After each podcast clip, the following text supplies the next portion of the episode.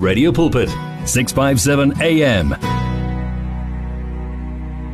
Riyalebuwa siyabonga baba. Ihambe njalo ke i3 songs in a row ngiqale eh ngo siqale ngobani?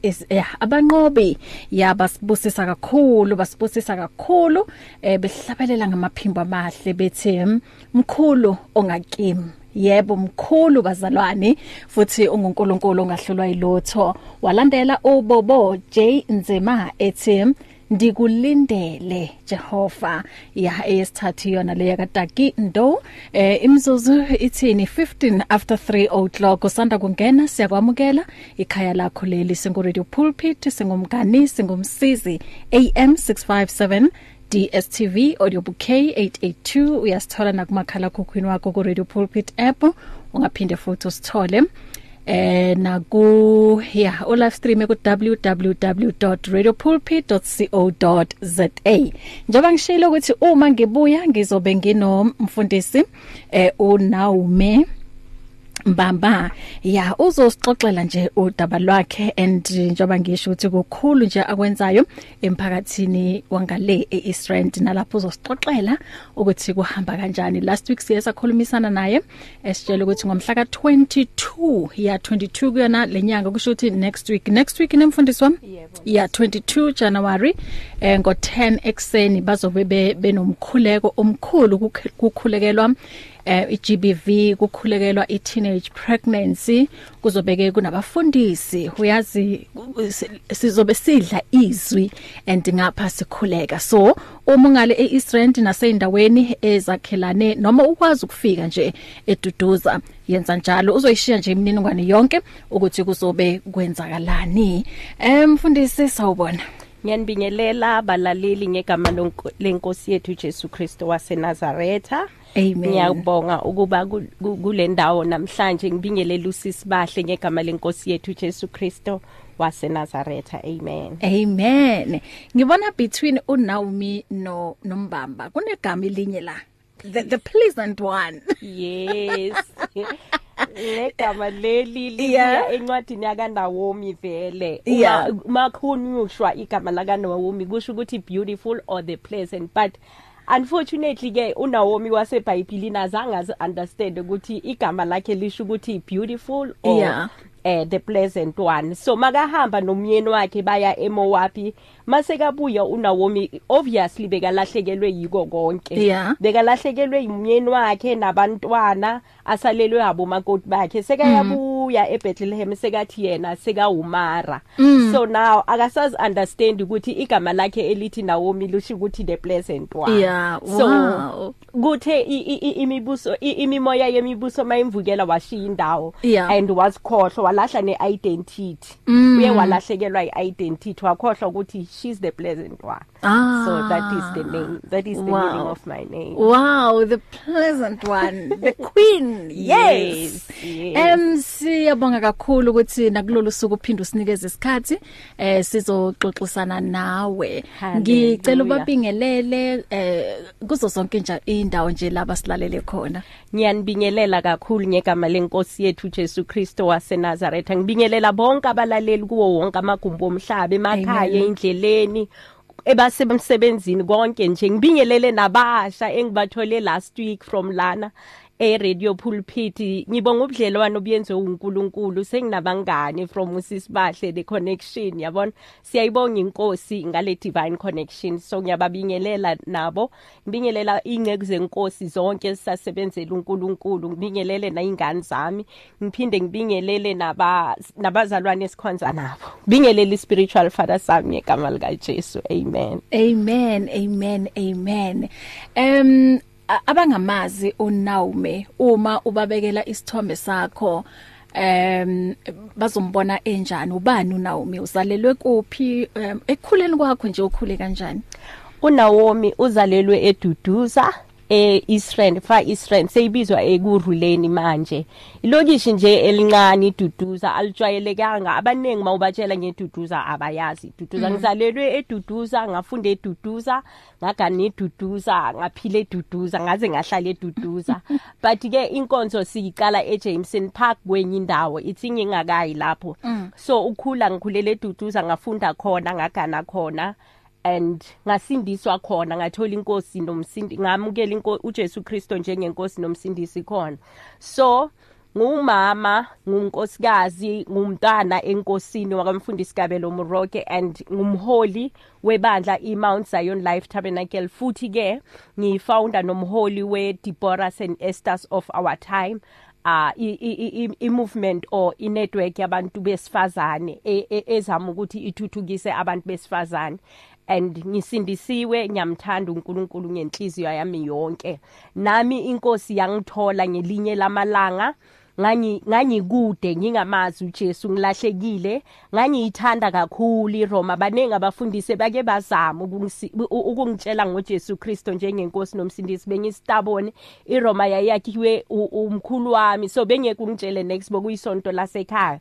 Kodwa ngenxa yokuthi uNkulunkulu umusa wakhe uyavama wangisiza naye uNkulunkulu umngani wami omunye bathi ufiki madonsela wangi-invite I'm sorry ukuthi siye kuma team eduduza ke ngalezo inkathi lezo bokhona ama team like ama team yini ama team yinkonzo ah lapho khona kunama prayers kuza wonke umuntu akusinkonzo yebandla liyi1 so wangi-invite teamini i-team yakhona bokuyi-team yakamfundisi indaba umama ndaba bebambiza kanjalo eduduzo. Wangi-invite ngaya ke kuleyo nkonzo leyo ah kanti uNkulunkulu it was the divine appointment ukuthi ngihlangane naye.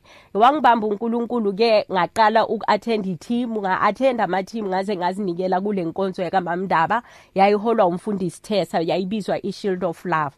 So ekuhambeni kwethu sangamthatha uJesu Kristo njengenkosi nomsindisi.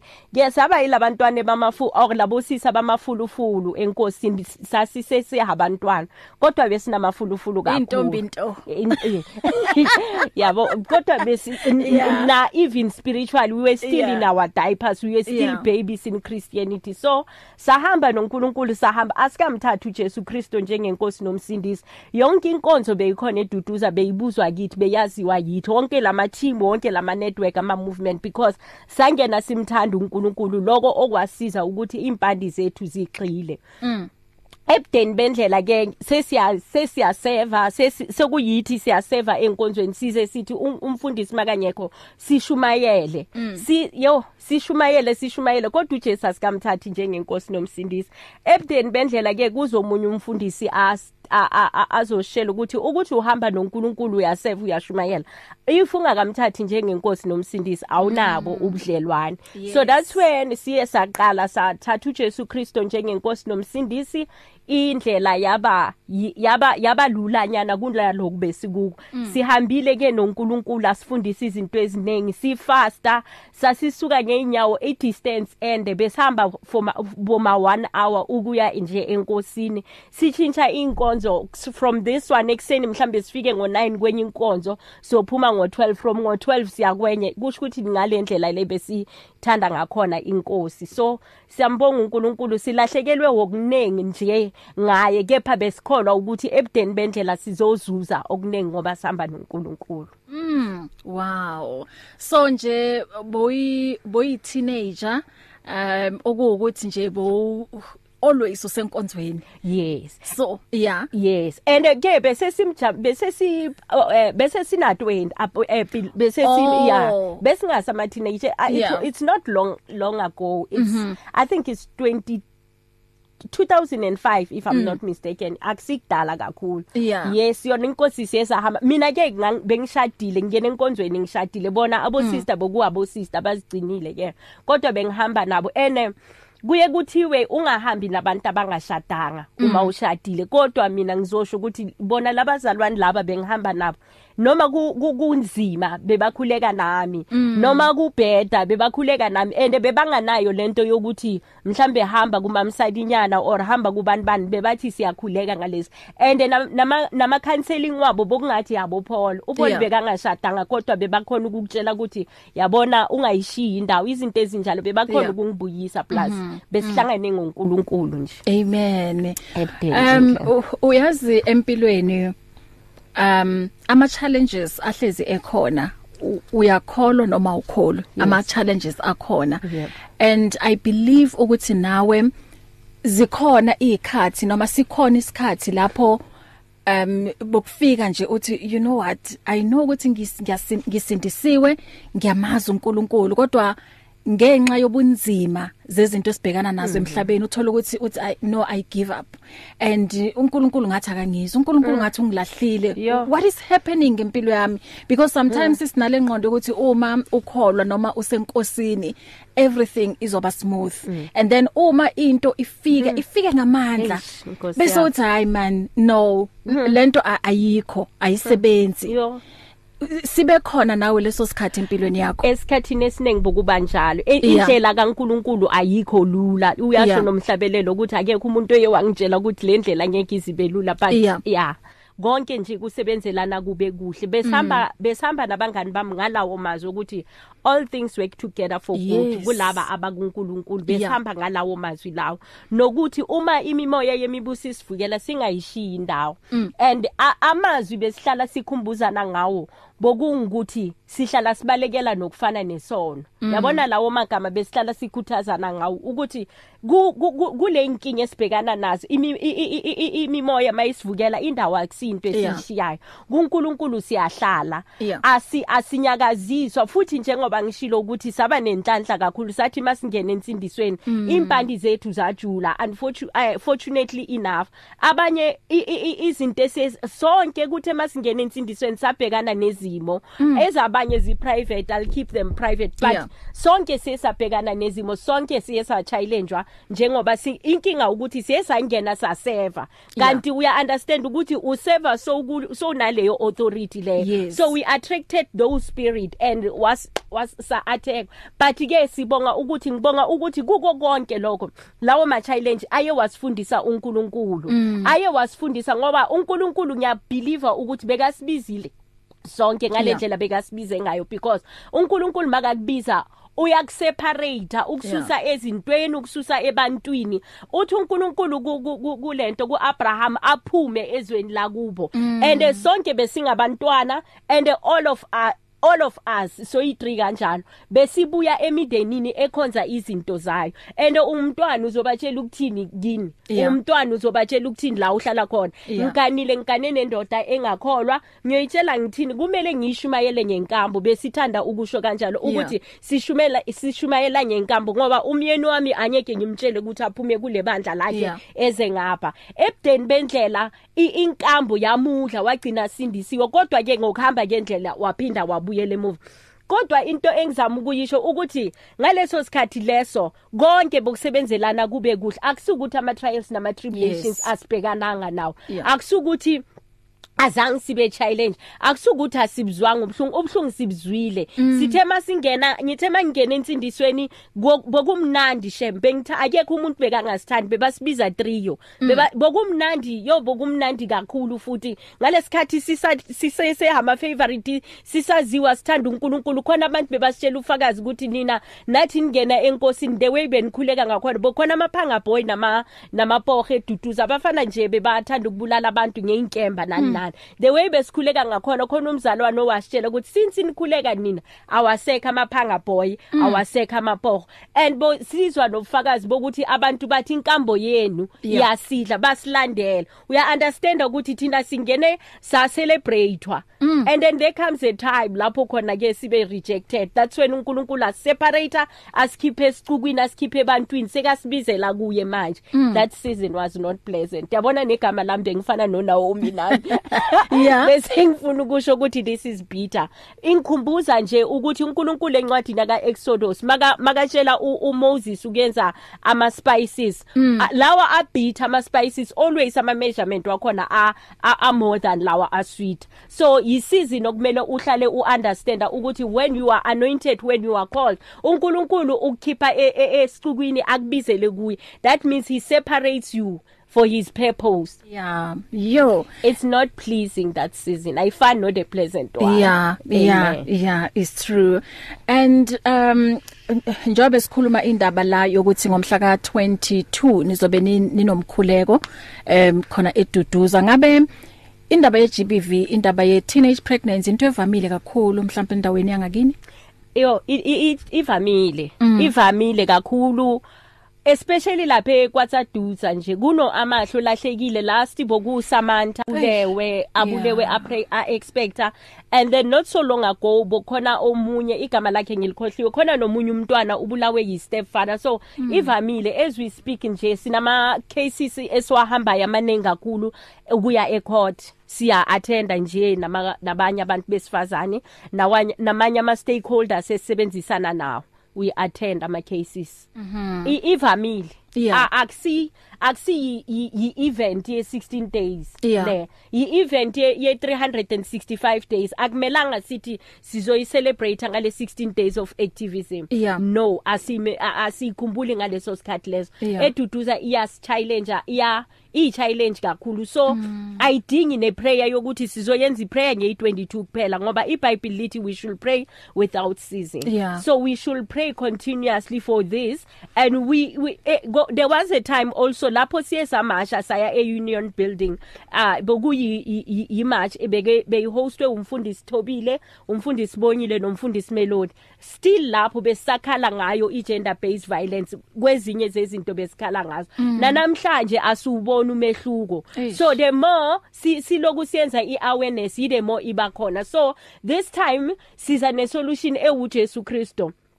Siza ne solution owumkhuleko. Ah manje isizini esikuyo siyibiza ukuthi it's a season of rebuilding. Sisencwadini yama Psalms 127 sithi if uNkulunkulu angawakhi umuzi abawakhayo bawakhela ize. Haleluya ungeke uwakhe umuzi ukhiphe uNkulunkulu kulento oyakhayo eSouth Africa inkinga yethu kakhulu siyesa sakhipha uNkulunkulu. e- ezintweni eziningi sesamkhipha emabandleni samkhipha ezikolweni kahle kahle ukumkhipha emabandleni ngisho kanjani? Ukuthi siyesavala amabandla. Sathi amabandla are useless na ku economy our our contribute so kahle kahle South Africa as a country not as a church. South Africa as a country uNkulunkulu akukho la simbeka khona. The best thing that we can do as a country ukuthi siyenze ama awareness anama professional and mawuthula ubheka ngisho nawe nawo ama victims a- a- adinga i spirituality Yes. along the way. Awadingi i pref- i professional side Yeah. phela. So sithi unless if uNkulunkulu ayakha indlu abayakhayo bayakhela ize. U- uSolomon bekabhala lamazwi lawo. Mawumkhumbula uSolomon bokuyindoda beyihlakaniphile indoda yacela ukuhlakanipha kuNkulunkulu kodwa uNkulunkulu wayipha nengcebo. Amen. ebudeni bendlela yahamba yayenza amaphutha. iSouth Africa injalo. South Africa iye yamthatha uNkulunkulu yamazi uNkulunkulu. Seyihambile ebudeni bendlela seyamkhohlwa seyamkhipha ezintweni. I'm sorry yingakho uSolomon makabuya athi kuyize kweze. Uthi if uNkulunkulu suwakha umuzi masuwakha angekho siwakhela kuyize. Yeah. yingakho akhona ukubhala nezinye incwadi lapha sitshela khona ukuthi kuyize it's vanity of vanities. Ukwenza izinto ungafaki uNkulunkulu. Ukuhlakanipha kwakho makungana uNkulunkulu kuyize. Ingcebo yakho makungana uNkulunkulu iyize. Ukwakha kwakho makungana uNkulunkulu kuyize. Yeah. ngifuna ukuthi uma uzowakha ziyi4 izinto ezidingakalayo. Kufuneka imaterial kufuneka ibuilder kufuneka neplan. Yeah. uJesu Kristo uyiphethini yale South Africa esizama ukuyibuilder? uJesu Kristo futhi uyi uyi- uyibuilder yena. Lokho sikuthola i- u- ukuthi uyiphethini sikuthola encwadini ka Exodus chapter 25 ukuthi uyibuilder sikuthola lapho aphendula uPeter ukuthi Peter uh, uh, upon this rock I will build my church. Uyi builder Yeah. yena kanjalo. And eh, thina lithi iBhayibheli we are the living stone. Njengoba singama living stone uNkulunkulu usebenzisa ibandla as a vehicle. Usebenzisa ibandla as i, i, i, i ukuthi lifulfile or li advance i kingdom yakhe. Usebenzisa nje nge- nge- ngelento nge- ngemoto e- e- ekhona ukuthi ifulfile i mandate yakhe ku kingdom. And uNkulunkulu asebenzisa ibandla kanjalo. Thina singabantwana bakaNkulunkulu lithi iBhayibheli uJesu Kristo uJesu Kristo uthi ngangilambile nangipha ukudla ngangisejele nangivakashela ngangihamba ngize nangigqokisa. So makasho kanjalo uJesu Kristo usho ukuthi bayabuza bathi sikubone nini ngoba sikubonanga. Uthi makaphendula uJesu Kristo ni- lokho enikwenzayo nikwenzela the least nikwenzele mina. So okusho ukuthi yonke into esiyenza ezisingabantwana bakaNkuluNkulu since uNkulunkulu sikule season yokuthi he is raising the kingdom laborers. uNkulunkulu he, he wants to advance his kingdom. But angeke asuke ezulwini uNkulunkulu azo reach out to those people. He's trusting us as abantwana bakhe Yeah. to fulfill that mandate ukuthi si advance his kingdom. So we have all the resources njengoba singabantu bakaNkuluNkulu ukuthi sichinche iSouth Africa. Mm. the lord has done his work. Umele thina since ngithe we are the material ubuilder alongside nathi uJesu Kristo ubuilder ngomoya wakhe oyingcwele. Umele labo abazothi yimi lonkosi ngisebenzise. Mm. So njengoba ngisho so ngizama ukusho ukuthi uNkulunkulu umele ibandla lakhe ukuthi seba sebalithathile yebo abanye iposition. Umele ukuthi ibandla lakhe lu advance lombuso wakhe lu advance ngokureach out manje sinenye i iprogram ebiswa buy or donate calculator. Sizama ukwenzani? Sizama ukwenza liyona lenkonzo uJesu Kristo athi ngangilambile nangipha ukudla. Isizathu sokuthi si- si- sikabange leyo pro, program yini? Ukuthi njengoba sithi singama Esther and Deborah of our time sidila nabantu besifazane ebanabantwana abafisayo ukuba ama- ama civil engineers. And mawuthula ubheka ezikolweni zethu abantu abamnyama abantwana bakhona ama calculator abawa afford and nezinye izinto abazi afford necathulo ne school uniform. So we trying to reach out ukuthi siyenze lento uJesu Kristo wayisho ukuthi njengoba nayenzela the list you are doing it for me. Mm asingayekini. Ukwenza okuhle. Yebo kuyiqiniso. 1536 nginomfundisi uNaume uh, the pleasant one eh mbamba. Si eh, esixoxela nje udaba lwakhe eh, nangendlela nje uNkulunkulu amsebenzisa ngayo. Uyazi um uyathanda ukusebenzisa and angeke akuforce ukukusebenzisa uma wena ungavumi. So mina ngibona wena mfundisi ukuthi uthe yebo baba Yes. yimi lo ngisebenzise. Kunjalo. ukuze ng- ngikwazi ukufinyelelisa umyalezo wakho kubantu ngifinyelelise lokho ofuna ukukwenza kubantu ngami. And wakwethemba uNkulunkulu na kuyakusebenzisa Amen. kwamanje. Um uyazi le nangu umlaleli la ubhale i WhatsApp ne? Uthi thanks pastor Naomi. Uthi let's continue building the kingdom of God. Um using all the Yes. possible platforms yes. i'm glad you also met young people through sisbahle Amen. when you talk of young people and praying for teens Yes. pregnancy you're touching me so deep i get both emotional yes.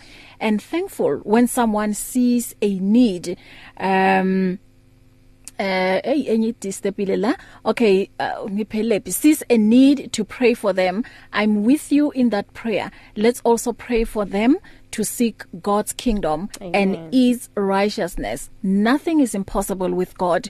Uthi asibambisaneni mfundisi sibakhulise labantwana especially um teens. Yes. uthi don't forget it's not about those in church Yes. the community at Yes. large. Amen. i'm with you uh, with all with whole my heart. Amen. With whole heart.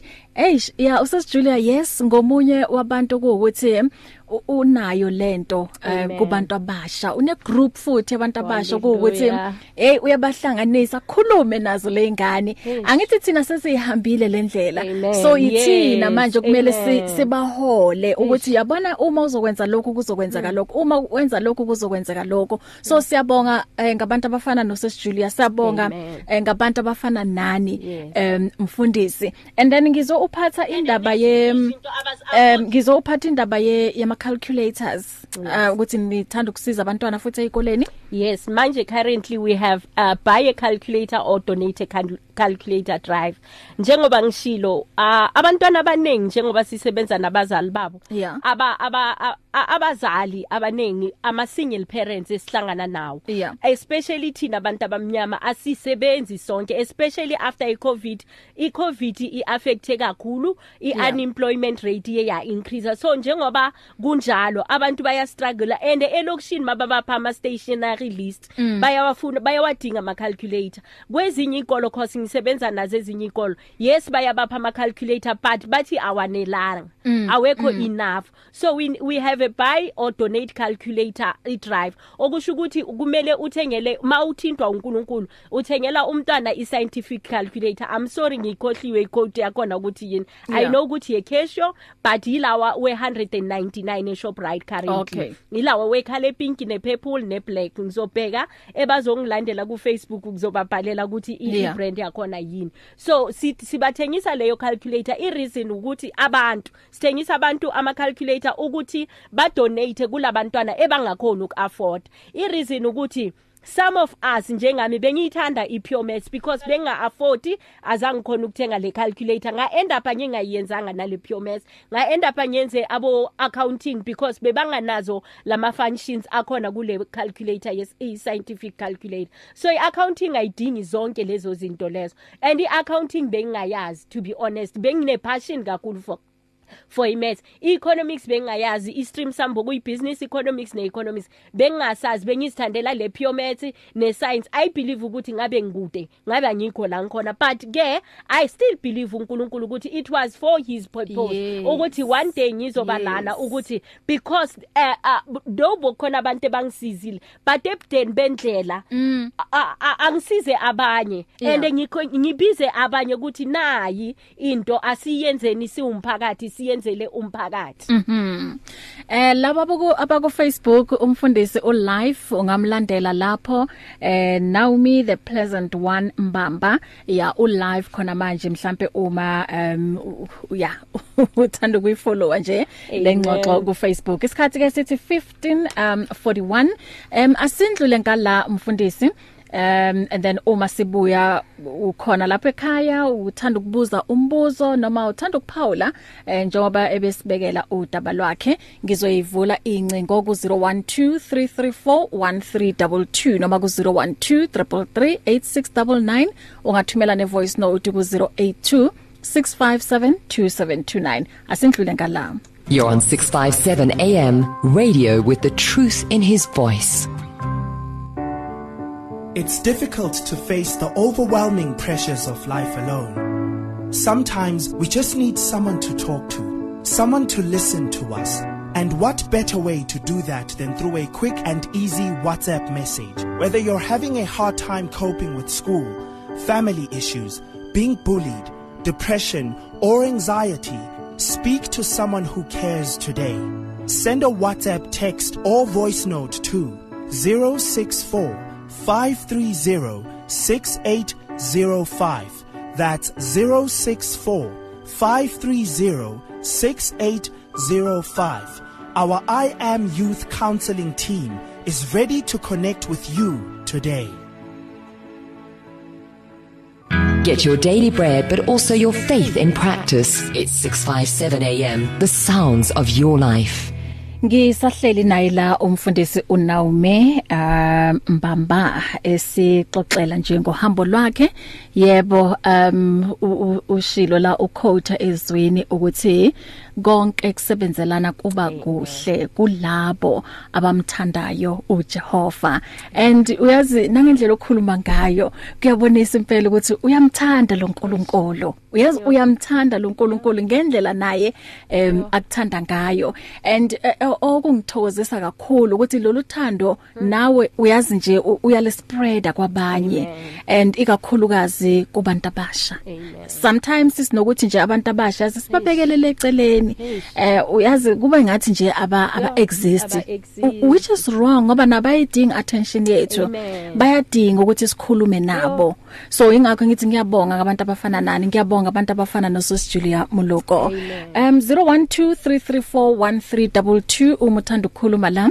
Eh nomfundisi ngivulele incingo unga unga- ungangena na ku 012333 8699 012 3341322 noma uWhatsApp ku 0826572729 hey ngiyaxolisa mfundisi ukuthi nje um uma ngikhuluma la i know ukuthi abangizwa lapho ku live yeah ku live Facebook Yes, ngithi manje yes. sifaka ama Okay. earphone and ngi on the other side kodwa ngabachazela ukuthi hayi bazalwane eh, ningawari ngicabanga ukuthi sengithulile okay mara bachazela ngiyacabanga ukuthi balalela They abazalwane. understand. Yes. bazalwane usisibahle uyakhuluma ngale and unfortunately animuzwa yena makakhuluma abalalele ku radio sicela balalele nizokhona ukusizwa both Yes, yes, Amen. yes, yes. 0123341322. Okay, asithathe la i WhatsApp uh, voice note sizokuthi uthini la umama.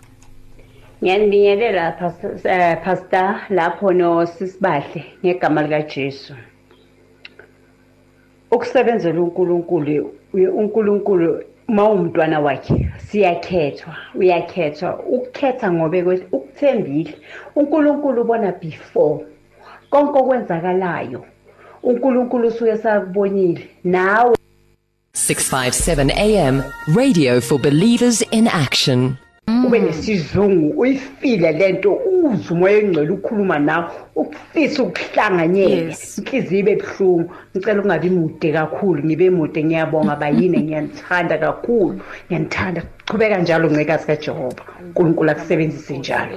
Ibambe njalo ibambe ngakho. Siyabonga. siyabonga siyakuthanda futhi. Sisibahle ngiyanithanda unyakeni omusha. Ngiyanithanda kakhulu. Keep well. Stay blessed. Siyakuthanda Love you. nathi. We love you so much. Yebo. Yeah, umama ukhulume i- into ebalekile la ukuthi ungokhethiweyo. And uma ukhethiwe kuthiwa Yo. nayi task yakho. Yo, Kumele. kumele Yebo. uthinte indaba yokuthi inkosi ngiyayithanda U- u- uNkulunkulu uthi makatshela uMoses lapho kuExodus incwadini yaka Exodus uthi thatha umnikelo sisendabeni yokurebuilda because Yeah. impilo zethu ziku rebuilding Yeah. uthi thatha umnikelo kulaba beinhliziyo ezivumayo Yeah. ngithe mina uNkulunkulu uJesu Kristo makayakha sithina lithi iBhayibheli we are living stones. Njengoba we are living stones kanje kusho ukuthi ukuthi sikhona ukusebenzisana naye we need to be willing. Awukhona ukusebenza noNkulunkulu ungekho willing because uthi thatha umnikelo kwalaba beinhliziyo ezivumayo. Umnikelo bokuwani? Beka instructor uMoses ukumakhela indlu. And ngithe mina uNkulunkulu to rebuild usebenzisa thina as a living stones. Amen 0123341322 bakuphi abomama baseduduza? Baphi abomama ba- Yo. kukhona abomama obambisane nabo? Abomama engibambisane nabo bakhona kunama stakeholders kunamaphoyisa kunabafundisi esiba- sibanengi. Yeah. sibanengi though singekho sonke ku Esther St Deborah's Yeah. singamaqembu qembu kepha ke yinto okuthe ekugcineni kube ukudunyisa igama likaNkuluNkulu amen because sisebenza nama stakeholders asebenzisi sodwa amen kodwa So- abomama bakhona yeah so wena uma ubukile um njoba ke si si si siba sikhulume indaba ye gender based violence um uma sikhuluma nge gender based violence yes asikhulumi ngokuthi kuphela abobaba mhlawumbe abahlukumeza ingane bakhona nabanye bomama abahlukumezayo abobaba. Bakhona aba- abomama abahlukumezayo ingane zabo. Yebo kunjalo. Yes so sifaka wonke umuntu uma sikhuluma nge gender based violence. Yes. so um ah, ah, kodwa khona manje ngicela ukuthi siyibuke kakhulu kubo baba ukuthi wena moyibukile mhlambe or ukhuluma nabantu aba experience um i violence or ba experience i abuse eh, inzondo engaki ibuyaphi kwenzakalani? Angazi bengisho la or bengisho ku Facebook live or kuphi. Ngiyakhuluma ke nabo baba abaningi yeah. Ngiyakhuluma nje banokuthi abo baba bahlangihlangane etaxini sigcine sesicoxe bathi abo baba mm. angeke kukhonakale ukuthi bangakhona ukubulala abantu besifazane kusho abo baba abathi bona bazobabulala Mm. bathi angeke kukhonakale ukuthi abo baba bangababulali abantu besifazane Mm. because abantu besifazane banamalungelo amaningi Mm. bathi abo babe baningi engicoca nabo though ngingayi advocateli lento bayishoyo Yeah. ngihlezi ngikhuluma nabo ngize ngibabuyise ukuthi bayibheke ngeindlela Mm. bathi abantu besifazane banamalungelo bathi uthi uya epolice station mawufika epolice station ubaba inkosikazi yakho or umfazi ukuklapile mawufika lapha bathi you, you are half a man you not man enough you need to man up. Bayahlekisa and ma- ngawe. ba- bahlekisa ngawo mawufika ekhaya unkosikazi uyakushaya. Kodwa bathi makungabe unkosikazi umshaya ngempama kuma igido ezi ezi20 ngaphandle but when it comes to their side uh, ba, kuba ngathi kuyahlekiswa ngabo. Mm. and bathi mabaya ebo epolice station akuzwakali. Mabaya kubo counseling a- a- akusiyinto ekubo. Mm. Uh, i- i- iko yabo bathi ayibavumeli ukuthi baye kubo counseling nazonke le ndawo njengathi abantu besifazane. So bakhala ngokuthi ibitterness iqala lapho ngoba you- u- as umuntu wesilisa uhleli lapho ushaywa unkosikazi endlini mawufika ngaphandle uyahlekwa. Ngathi awuphelelanga ubaba. Yeah. and ngaleso sikhathi you trying to bring idiscipline la endlini you trying to be a head you trying to be a man. But now kuba ngathi amalungelo wabo athathilwe from them. So they feel like they are not men enough. So that is why bathi lento le iyakhela ngaphakathi. Mina bengizibuza ukuthi ubaba aze agabe umuntu wesifazane amfake ebriefcase izifike lapho umuntu ak- ak- ak- ak- akuqobelele nje ngathi uqobelela inkomo. Aza kufake ebhodweni omunye akufake efrijini omunye akufake ebriefcase lezo zinto zifika kuphi? Abanye abathi bathi iqale kudala umuntu aloku abekezela. Abekezele ukuthi i i don't find help. Yeah i'm i am i'm helpless. But now we're not promoting that. All we saying ukuthi at least ngathi justice ingaba equal. We know ukuthi khona ama extremely kuko konke. Yeah. Khona ama extremes. Abantu besifazane babulewe that is why igovernment igcine yenze so mhlawumbe. Abantwana babulewe maybe that is why igovernment igcine yenze so. Kodwa okukhona makuke kubuyiswe bahlale phansi bake bayibheke. And masibuya ngokwezwi thina abantu basifazane ezwini iBhayibheli lithi siyathobelana. Futhi nawo amadoda ke kumele nawo awahlala ngathobeki because athobekela uNkulunkulu. And ezwini awukwazi ukungathobela uNkulunkulu bese awu act nje. Nge- ngezwi likaNkulunkulu. Yeah. so amadoda ayasithanda and mawuthanda liyasho iBhayibheli ukuthi irip lakho angeke uzuluhlungubeze true true because um uyazi noma ingane uyidiscipline ne? Ukuyingane yakho yabe ngesinye isikhathi nokuthi mhlawumbe uthi uthi uthi ayiganga Eh. kodwa u- uzubhlungu Ubu- ngaphakathi ngoba uyamthanda lo muntu and ukwenza lokho ngoba uyamthanda. Kodwa angeke ukwenze ngendlela yoku- yokuthi mahleli lapho umbukile unama stripes wabonisayo ukuthi lo muntu ushaywe o mhlawumbe uphume ama blue eye and all that. Umsh u- u- yamdisciplina ngendlela yothando kusho ukuthi ngendlela Kunjalo. E-right njoba usho ukuthi umuntu aze agcine athatha Hawu. ummese Yes. amhlabe lo muntu Hawu, o batho. athatha isibhamu amdubule lolo thando lusuka liyephi ngaloso sikhathi Yes. or vela beloku lingekho belingekho yes and masithula sibheka neBhayibheli liyasho ukuthi uNkulunkulu abathandayo uyabasola abayala abayali. Yes. uNkulunkulu uyasithanda idiscipline yakhe. Uya it's not like akasidiscipline uNkulunkulu. Yeah. uyasidiscipline but idiscipline yakhe ayikho i hate Yes. so nabo ngathi bangathi noma bafuna ukudiscipline mabayenze ngalendlela angisho lithi iBhayibheli uthando lusibekela incwaba yezona and mawumthanda umuntu mbuyise ngothando. Nalo iBhayibheli lisho njalo lithi umuntu owonile simbuyisa ngothando. Maybe ke ba- basuka bawonile mababuyise ngothando. Yeah. Hayi ngokuthi o akulungile. mhlambe uma eh, ubona ukuthi ayi cha yazi lo muntu lo akafuna ukungilalela uphume kuyena. Mhlamba ayisebenzi le. Yeah mhlamba lo mshado awusekho or le relationship ayisekho. As much as uNkulunkulu angayithandi divorce but i don't believe kuNkulunkulu ongakuvumela ukuthi uhlale emshadweni ozokukhipha ngebox. Mm. I think uNkulunkulu is gracious and he's merciful he's kind Yeah, loving he's caring. I believe ukuthi uNkulunkulu anga angacolela ukuthi uphume emshadweni kunokuthi uphume sowushonile. Yeah. I believe ukuthi anga anga phela kukhona iaccept acceptable nepermissible ne ne perfect will. I think this is one of the acceptable will yakaNkulunkulu yokuthi rather uyeke lo mshado lona for now maybe uzadila naye um- umyeni wakho okulomuntu lo until uh, isikhathi esithize azabe right. Yeah. kunokuthi uyofela la. Uzoyi accept mawuphumile udivorceile ngenxa yalesimo kunokuthi uphume sowufile. Yeah. Mm. 0123341322 ukhona othanda ukukhuluma nathi noma othanda ukukhuluma nomfundisi Naomi eh ngivulele incingo sina plus minus um 10 minutes um ukuthi sithathe incingo zakho. 0123341322 012338699 sawubona dumelo semoyeni. Nkosazana, kali mambo asibingelele mfundisi naye la siyambingelela. siyabingelela nathi amen Amen mfundisi.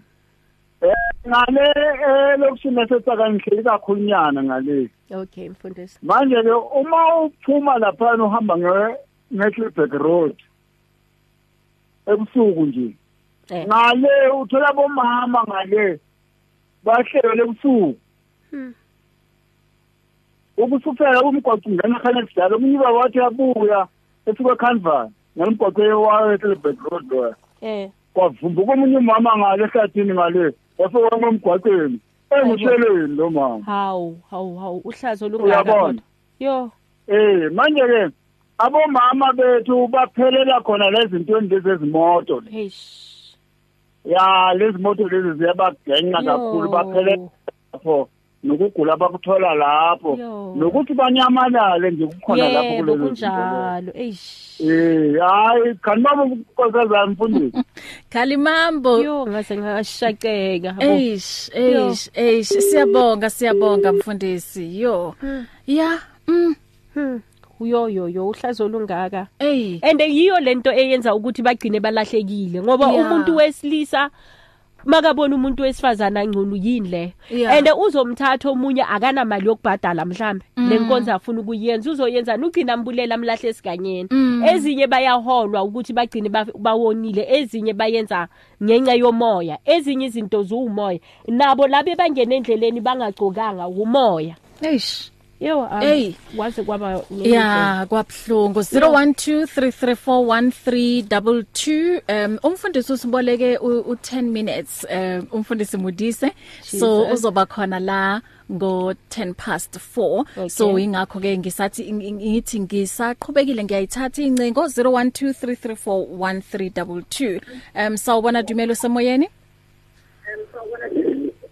Salwana nsisi wahle njani? siyaphila baba wena unjani Ngiyaphila nikhuluma nomandla nesowethu. yebo baba mandla Ya nyawuzwa eh umfundisi uyayibeka bayabasiza abantu. Kodwa nje manje i government uye lo ungafundisa abantu yabona. mm Ithi manje la ngesowethu into eyenzakalayo amaphoyisa ayaganga aganga endlini yethu khona manje bagangile la kwami Yo. Amaphoyisa mangibabophisa. Hayi abaripoteki. Naye upresident mangithi ngiyamfonela. Hawu akabambi ifoni yabona Yeah. manje siyathandaza ngapha mara ngapha. Sibheke abotsotsi mm. Yabona mam eh sisibati mm, mm, manje mm. abantu base ba- ba- noma bangathandaza manje sesuke siku-crucial time manje. Mm. Ku-crucial time because unkulunkulu uyalwa yabona? Mm. Ulwa nani? Ulwa nayo i-authority le yokuthi abayenzi ngokulungisa manje ingakho ubona manje kuyanyakaza umhlaba ngapha Mm. kuyatsha ngapha ngapha bayaphela omkhulu bethu. Laba besithi eh kumele babone ukuthi hayi abashiyanga amadliphidliphi. Kodwa manje hey sisibahle asithandazeni asithandazeli yeah. Yeah. le Yeah. baba lo baba ufikile ula mm. Ula Mm. ula mm. Ula ngenduku mm. Singavuka kuphelile kusasa. Asazi sophunyuka or kanjani yep. Uma ungacheka lapha ku-ezaya 16 14 mm. Uma ucheka uyabona ukuthi hayi impela ukuthi no. Sokumele manje sizinikele kuNkulunkulu. Yeah. Ngoba nazi ikholo zivuliwe asazi ukuthi labantwana sibathumele esikolweni kumbe bayotshela lapho na. Mm. Ubona lento ngoba nje inkokheli singafuni ukwenza into right mm. Asithandazeni ukuthi i-government le ibe ne-downfall. Yeah sesiphelile Oh, isikhathi sok yeah, yeah sesiphelile isikhathi sokudlala ibandla baba. Ya. Kumele mina. manje. Yebo. Ya kungena thina abantu besonto man. Sibambe yento senze into right. Mm. Eh, man bahleli ngoba into eyenzakala kini ngapha hey. Mm. Ngangesongethu hayi mm. Asike ngakhulunywa into nesuthu baritshelwa kamanzi yeah yeah. yeah ngicela nje ningibeke emkhulekweni ukuthi nami ngithe ngibabambe labo tsotsi yeah Amen. uzobabamba Yeah. yeah ya? Mhm. babambe ngiba-expose. Mm. Amen. Ya hayi hayi sisibahle nje bengifuna ngikhathaza nje ile ile ile vesi kayezayo yabona Mhm. Yo, hayi ubaba uyayisho indaba la ukuthi isikhathi asisukumeni. Ya, si- siphelile isikhathi sokudlala inkonzo. eh. Ya, isikhathi manje sokuthi sikholwe ngokweqiniso. Ya, sikholwe ngokweqiniso bazalwane. Singadlali isonto Ya, ya. sithengisise ngesikhathi insuku zimpi Yebo. lisho njalo neBhayibheli asithengisiseni ngesikhathi Mm, mm. isikhathi sokudlala siphelile kumele Siphelile. ngabe sesi bekuyi World Cup call kahle kahle iCovid Yes. yes beyisifundisa ukuthi asazi ukuthi i- kungayenzakalani kusasa Mm, njengoba yeah. life is too short Yeah. and awulazi kusasa lakho ukuthi kwenzakalani iBhayibheli lithi ah i- i- u- u- ukuqala kubalulekanga kakhulu njengokuqeda. Yeah. kuzokusizana ukuthi ushumayele ushumayele mawuceda uyolahlwa. Mm. isigcino as- as- asibalulekanga. Isikhathi samanje sibi kakhulu. Nalaba besibathembile kakhulu abanye baye bahlala ngale covid. Yeah. so isikhathi asisafani nasecaleni. Ngathi kubulalana even nezingane ezincane. hey. manje. Nangomntana udubulo omunye hey hayi ayikubi sure um usis Julia uthi i wish the whole world can hear the topic on the issue of toxic relationships uthi truth be told ngoba um ngesinsikhathi nawe ungumzali uyahlala ku a toxic Yo. relationship lengane ibukile Yo. Ubaba eshayina nomama ngeimpama umama ethukana nobaba ithi uma noma emnikeza ukudla ubona nje ukuthi yazini uyamnika ngoba Unika uzothini ngathi yinja nje. ingane ibukile konke lokhu so iyokhula iyingane enjani? Yo. iyokhula ingane enalo uthando? A- a- aku- akwazeki. Akalazi nebhayibheli uthando. liyasho ukuthi awuthi mawutshala u- u- ibanana kuphile something else. Yeah. into etshalekayo ku- kuba yiyo. And umntwana yonke into umntwana utshale yonke into kuye itshaleka ngekhaya. Yeah.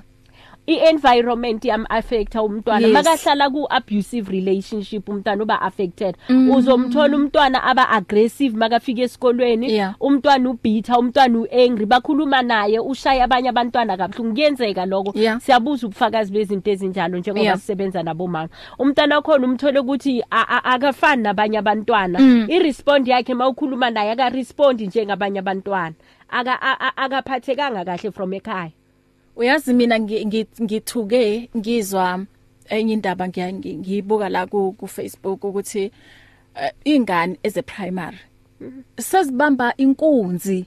Awu. Bamela laba abanye ngaphandle and then in- mabandlula laba ba u- umkhomba ngomese athi keep iphone angisebayazi ukuthi manje labantwana baya ngamafoni ezikolweni so ba- babatshontshela amafoni eh bababamba inkunzi. Ngikhuluma ngabantwana base Yo, primary i-primary school phela bancane. Bancane. abanye bakhona basesena 9 years abanye 10 Yebo. ama teenager kakhulu ase high school laba yilaba 11 12 years kuphela. Yebo. Kane- and it's less than 11 I- ungitshele ukuthi si raise community enjani.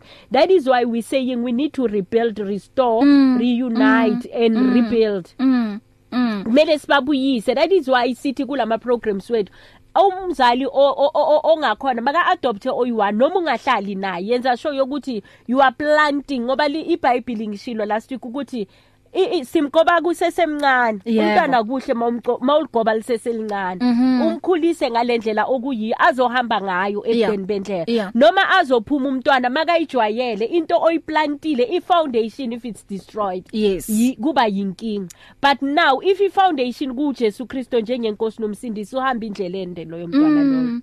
and bazali eh, eh, ingane ingane yakho meyiphuma ekhaya checka ukuthi uphethene esikhulubekeni checka ama pockets wakhe especially laba bafana khona kuba njalo. Abantwana laba eish abantwana bophunyuka bamphethe unfortunately. And eh, bengisasho kwa- kwabanye abazali ngithi mina ukhona umntana wakumakhelwane wami ngiyafisa ukuthi um- abantwana ngathi bangafana naye. Udlala ejardini akaphumi lo yamntwana ngeke umthole estradini. Mara ke bathi abanye abazali akabi exposed. Umntwana ezintweni. Um ex, ufuna abe exposed kwini futhi kuya counter naloko? Indlela omkhulisa ngayo injani nakho naloko kuya counter yingakho ngi- ngi- ngi- ngisho kanje ngifuna ukuya ekutheni ma mawumbheka ukuthi njengoba uthi simbheke umbheke umntana makaya ngaphandle ukuthi uphetheni Ku- ku- kubalulekile ukuthi uwazi ukuthi uplanteni kumntwana wazi ukuthi umkhulise ngayiphi indlela because angeke uze uthi umkhulisile umntwana ngoNkulunkulu bese abe yenye into. Kubalulekile ukuthi simkhulise ngalendlela okuyiyo khona ebudeni bendlela azohamba ngayo because Yebo. umntwana ifoundation ayithole ekhaya akusi easy ukuthi a- a a convince a influence yilabantwana bangaphandle. Mm. True. Akusilula Mfundisi wami um isikhathi sethu isona nje esithi ay angiphume ngala. Um ngibonge kakhulu ukuthi sibe nawe kule ntambama. Eh, in in a minute nje amazi uthanda ukuphuma ngawo ungathini kuwo wonke umuntu. Amazwi enga engaphuma ngawo ukuthi uNkulunkulu is raising kingdom laborers. uNkulunkulu angeke aze awa raise ama kingdom laborers kungekho abantu aba willing you need to be willing. Yes. Vuma ukuthi uNkulunkulu akusebenzise usebenze ukuthi uadvance lombuso kaNkulunkulu. Njengoba ngishilo uJesu uthi bengilambile wangipha ukudla ngize wangigqokisa ngisejele wangivakashela wangiphuzisa amanzi. So yenza leyo nkonzo kulomuntu okhonayo ukureach out akuye angeke kube abantwana kuphela ngoba asibizwanga ngokufana. Abanye they are called uh, to raise mhlambe abantu besilisa because sibanengi angisho Yes. isivini isiningi Yeah. lapho uNkulunkulu akubizele khona try to reach out try to be ukuthi u- ube yi-influence. Amen. Jesus. Yo um ku- kune WhatsApp la asivale ngayo mfundisi.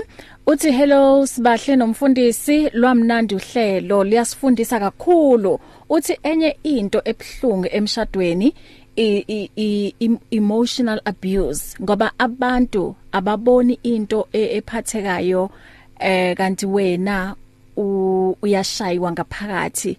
Uthi kubanzima kakhulu awukwazi nokureporta lo hlobo lweabuse eh usamke Bloss ngale ePortchepston em eh, eh, KwaZulu Natal emthwalume um in in few seconds nje ungathini ku ku- kusisamke and ibhlungu kakhulu ke emotional abuse. I, I believe ukuthi yiyo kakhulu ebhlungu kunale physical. Yeah. because umuntu ukutshela igama elikuyenza ube ne low self esteem uphuma ngaphandle bakubona ngathi uyahlanya maka awunayo ama bruises emotionally i think is the most hateful eh, hate eh, eh, painful. Because emotionally akho umuntu o- oba nobufakazi ukuthi you going through this. Into eyenzakala under your roof. However sinomoya oyingcwele ongumduduzi wethu. Sino Jesu Kristo noNkulunkulu nomoya oyingcwele ongumsizi wethu. Uma sikhuleka siya- ziyachinja izimo kodwa kumele kube ne dialogue kumele ukhuleke kusimo bese uyamuzwa uNkulunkulu ukuthi uthi yenzani ngalesimo leso. Yes uNkulunkulu i divorce asi encourage and asi advocate but mawukhuleka khuleka uzwa ukuthi uNkulunkulu uthi uyenzeni ngaleso simo. Ichance ukuthi angakutshela ukuthi iya kumfundiso so uzokhona ukukhulekisa akhona ukukuthwalisa because anyeke uNkulunkulu azangisebenzise esimeni uNkulunkulu angangithintanga nami ngaso. Amen. emotionally I- I- I- ibhlungu kakhulu. Kakhulu. Kakhulu. Um bakuthola kuphi mhlawumbe abalaleli abathanda ukuxhumana nawe? Ungekho la emoyeni? Abalaleli inamba zami zithi 082 452 0068 ngicela waphinde futhi? 082 082 452 452 00 00 68 68 and then naku Facebook ke uNaomi the pleasant Mbamba. Kodwa ke maningathi Naomi Mbamba ngiyakhona ukutholakala iyakhona ukusearch ki Facebook yami esikhathini esiningi kodwa Oh. izokuvezela the pleasant one ngaphakathi Amen. izokubonisa iprofile yami Thank you so much Amen. mfundisi uNkulunkulu akubusise.